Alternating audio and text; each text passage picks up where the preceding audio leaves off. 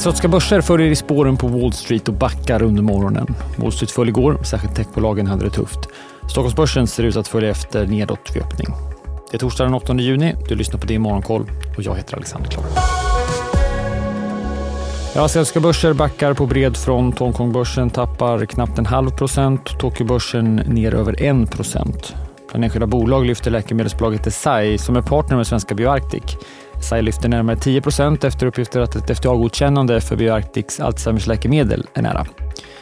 Japan har reviderat upp sin BNP-tillväxt för det första kvartalet ganska så mycket. Det preliminära utfallet var på 1,6 procent men justeras nu upp till 2,7 procent för årets tre första månader jämfört med samma period i fjol.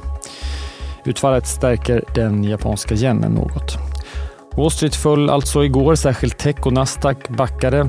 Alphabet och Microsoft var ner över 3% Apple sjönk nästan 1% GameStop kom med rapport och besked att man sparkar bolagets VD och aktien föll 20% i efterhanden.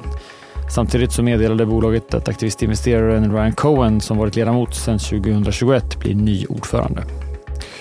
De amerikanska räntorna steg igår och det finns en högre förväntan om en räntehöjning från Fed nästa vecka efter att även centralbanken i Kanada gjort som Australien och oväntat höjt sin styrränta. Den kanadensiska styrräntan höjdes med 25 punkter till 4,75. Fed lämnar räntebesked den 14 juni och fortsätter det så att en majoritet tror på en räntepaus, att man behåller räntan på nuvarande nivå. Men en ökad andel spår att vi får en höjning med 25 punkter. Sveriges har precis fått priskedjan Clas Ohlsons rapport. Det är tuffa tider och bolaget gör en förlust i kvartalet, men betydligt mindre än väntat och faktiskt mindre än vad vi såg i fjol. Rörelseresultatet landade på minus 7 miljoner. Bruttomarginalen på knappt 39 procent. Det är också bolagets avslutande kvartal på sitt brutna år, så man föreslår också en utdelning på 1,50. Bolaget meddelar också siffror för maj månad. Man ökade försäljningen med 8% organiskt och online växte med 18% båda bättre än väntat. Samtidigt fortsätter bolaget skära i kostnader och meddelar ytterligare besparingar på 100 miljoner kronor. Fastighetsbolaget SBB som just nu genomför en strategisk översyn av bolaget kan delas upp i tre. Det här uppger en källa för Svenska Dagbladet. Uppdelningen skulle kunna dela på bolagets byggrätter, samhällsfastigheter och bostäder enligt tidningen. Nya vdn Leif Synes tillträdde i måndags och sa då att bolaget inte behövde göra en nyemission och att man inte tänker sälja sina innehav med någon betydande rabatt. Samtidigt har kreditvärderingsinstitutet S&P sänkt sitt kreditbetyg för SBB igen. Tidigare WB plus blir nu WB minus med negativa utsikter och i beslutet betonar S&P att fastighetsbolagets tillgångar till kapital kommer att vara begränsat under en längre period.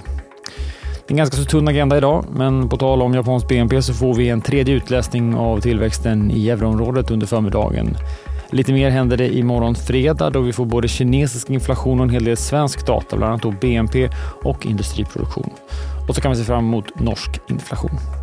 Missa inte Börsmorgon som vanligt med start kvart i nio eller välj att lyssna på programmet som en podd. Vi släpper det numera klockan 11. Missa inte heller DTV Motor, det andra avsnittet för den nya säsongen. Det kommer på sajten klockan halv tolv.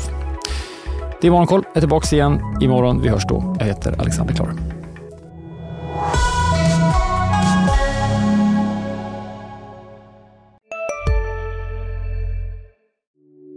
Hej, Ulf Kristersson här. På många sätt är det en mörk tid vi lever i. Men nu tar vi ett stort steg för att göra Sverige till en tryggare och säkrare plats. Sverige är nu medlem i Nato. En för alla, alla för en. Där det finns ett samhälle, där finns det brott. Krimrummet är podden som tar brottsligheten på allvar. Jag bjuder in landets ledande experter och tar upp aktuella rättegångsfall för att begripliggöra den kriminalitet som kryper allt närmare. Du, alltså, du kan knäcka ett eller några gäng, men det kommer komma nya och så kan vi knäcka dem sen. Men att du ska knäcka allt forever, det kommer aldrig ske. Det är infinite gain. Lyssna på Krimrummet, en podd från Expressen med mig Kim Malmgren.